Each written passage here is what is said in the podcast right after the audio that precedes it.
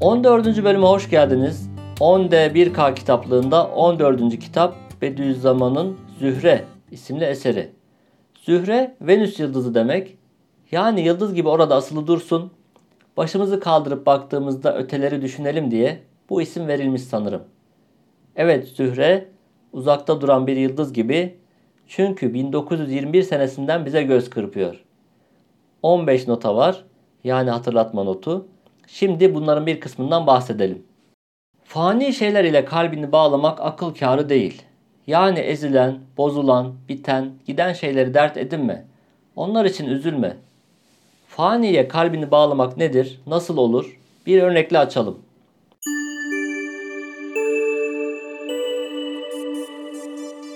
Bir aynada güneşin parıltısını gördün ve sevdin. Ama güneşi tanımıyorsun, güneşten haberin yok. Bu durumda ilgin, alakan aynaya yönelir. Bizzat aynayı seversin. Tüm kalbinle aynaya sarılırsın. Ancak ayna kırıldığı zaman anlaşılır ki ışığın kaynağı ayna değilmiş. Gökte bir güneş varmış, sevgiyi, ilgiyi hak eden aslında oymuş. İşte burada ayna faniyi, güneş bakiyi temsil ediyor.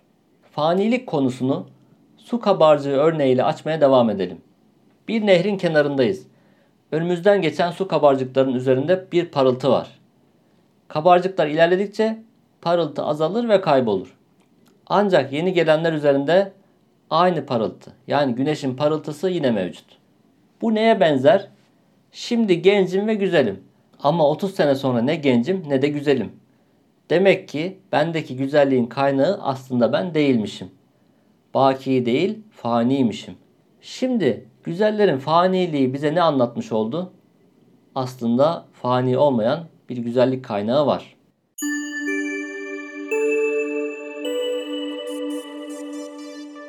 Kur'an'dan çıkartabileceğimiz düsturlardan biri şudur. Başka biri karşısında kendini küçük, ezik hissetme çünkü o da senin gibi mahluktur. Hem kendini başkaları karşısında büyük de zannetme, kibir, gurur yapacak durumda değilsin. Çünkü hepimiz yaratılmışız. Demek ki yaratıcı olmaktan eşit uzaklıktayız. Yani haddini bil, başkalarının da haddi olduğunu bil.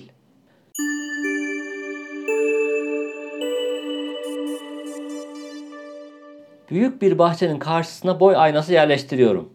Artık iki bahçe var.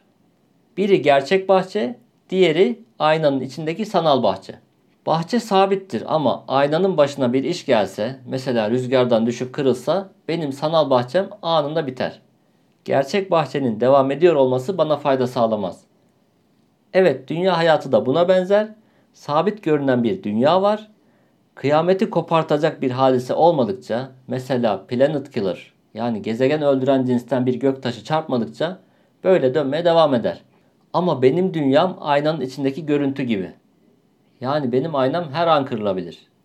Dünya bir derece sabit olsa da ben çok faniyim. Aslında pamuk ipliğine bağlıyım.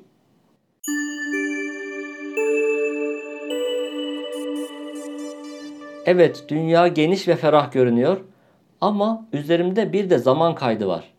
Geçmiş ve gelecek arasında sıkışmış durumdayım aslında. Geçmiş hemen arkamda duran ve her saniye yavaş yavaş ilerleyen bir duvar gibi. Bir saniye öncesine geri dönmek istesem gidemiyorum, duvara tosluyorum. Gelecek zaman da aynı şekilde duvar gibi ama bu duvar önümde ilerliyor. Her saniye yavaş yavaş hareket ederek bana alan açıyor. Peki bu iki duvar arasında sıkışık bir vaziyette olduğum halde ben nasıl kendimi rahat hissedip durumumu iyi görebiliyorum? Bu duvarların yüzeyi ayna kaplı ve iki aynayı karşılıklı koyduğunuz zaman ne olur? Görüntü iç içe yansır Sonra yansımaların da yansıması derken aslında olmayan bir genişlik algısı. İşte bu yanılgı sayesinde gayet kısa ve dar olan hazır zamanın kanatları açılır, hakikat hayale karışır. Aslında olmayan zamanlar benim için varmış gibi olur. Bu zihin konforuyla yaşarken bir musibet gelse düzenimi bozar. Beni biraz ittirir, kaktırır. İşte o sırada başımı aynalı duvara çarparım sonsuza kadar uzayan bir genişlik içinde olmadığım ortaya çıkar. Peki ne yapacağız? Cevabı yazarımızdan alalım, orijinal olsun. Senin de dünyan hakikatçe dar, Fakat senin gaflet ve vehim ve hayalinle duvarları çok genişlemiş. O dar dünyada bir musibetin tahrikiyle kımıldansan başını çok uzak zannettiğin duvara çarparsın. Başındaki hayali uçurur, uykunu kaçırır. O vakit görürsün ki o geniş dünyan kabirden daha dar, köprüden daha müsaadesiz. Senin zamanın ve ömrün berkten daha çabuk, şimşekten daha çabuk geçer, hayatın çaydan daha süratle akar. Madem dünya hayatı ve cismani yaşayış ve hayvani hayat böyledir, hayvaniyetten çık, cismaniyeti bırak, kalp ve ruhun dereceye hayatına gir. Tevehhüm ettiğin geniş dünyadan daha geniş bir daireyi hayat, bir alemi nur bulursun. İşte o alemin anahtarı marifetullah ve vahdaniyet sırlarını ifade eden La ilahe illallah kelime-i kutsiyesiyle kalbi söylettirmek, ruhu işlettirmektir. Evet zaman kaydına giren, sıkışık bir vaziyette olan cismimdir, bedenimdir. Kalp ve ruhun dereceyi hayatına girersem böyle sıkışmam. Yerinde bir tavsiye, zaten böyle bir çare bulunmazsa bu terazi bu sikleti çekmiyor, yani bu zihin bu durumu kaldıramıyor. Antidepresan gibi geçici çözümler gündeme geliyor.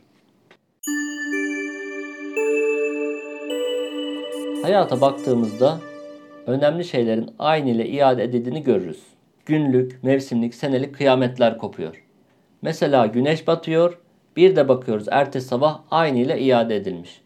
Bahar gidiyor, seneye aynen geri geliyor. Ağaçlar, tohumlar tekrar canlanıyor.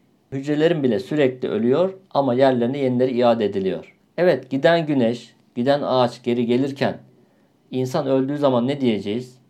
Giden gitmiştir, gittiği an bitmiştir mi diyeceğiz? O kadar basit değil. Kainatın meyvesi, en önemlisi olan insan öylece gidip kaybolamaz. Aynıyla iadesi mutlaka olacaktır. Hesap gününde cismiyle, ismiyle, resmiyle iade edilecektir.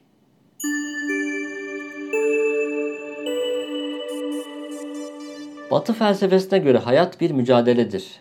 Canlılar yaşamak için birbiriyle kıyasıya mücadele eder. Kimse kimsenin umurunda değildir. Bu notada bu anlayışa bir itiraz var. Şöyle ki, hayat bir yardımlaşmadır, dayanışmadır. Güneş gibi, bulut gibi cansız varlıklar bitkilerin yardımına koşar. Bitkiler hayvanların yaşamına büyük katkı sunar. Hayvanlar insanlara yardımcıdır. Bu dayanışma durumu mikro alemde de geçerlidir. Gıda zerreleri, mesela glikoz molekülü, enerji götürmek için hücrenin kapısına kadar gider.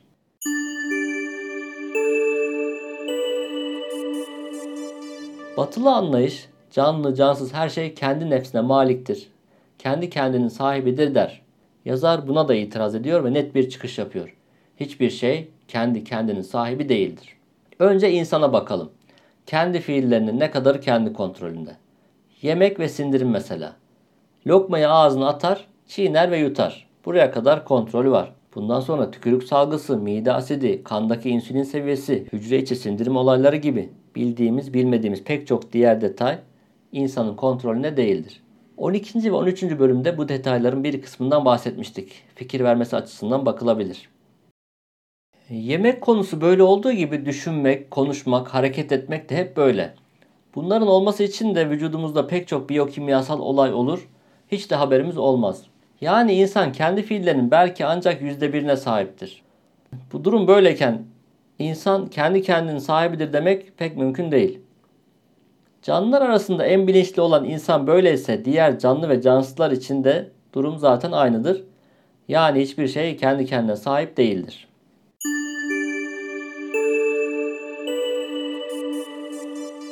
Şimdi bu iki örnekteki anlayış farkı bizi nereye götürür? Neden böyle şiddetli itiraz ettik? Kendi kendimin sahibiyim diye düşününce artık hayatımın devamı için güneşten mikroba varıncaya kadar her şeyi kontrol etmek, olması gerekenleri oldurmak, tüm sorunları halletmek durumundayım. Ama güneşe elim ulaşmaz, mikroba gücüm yetmez.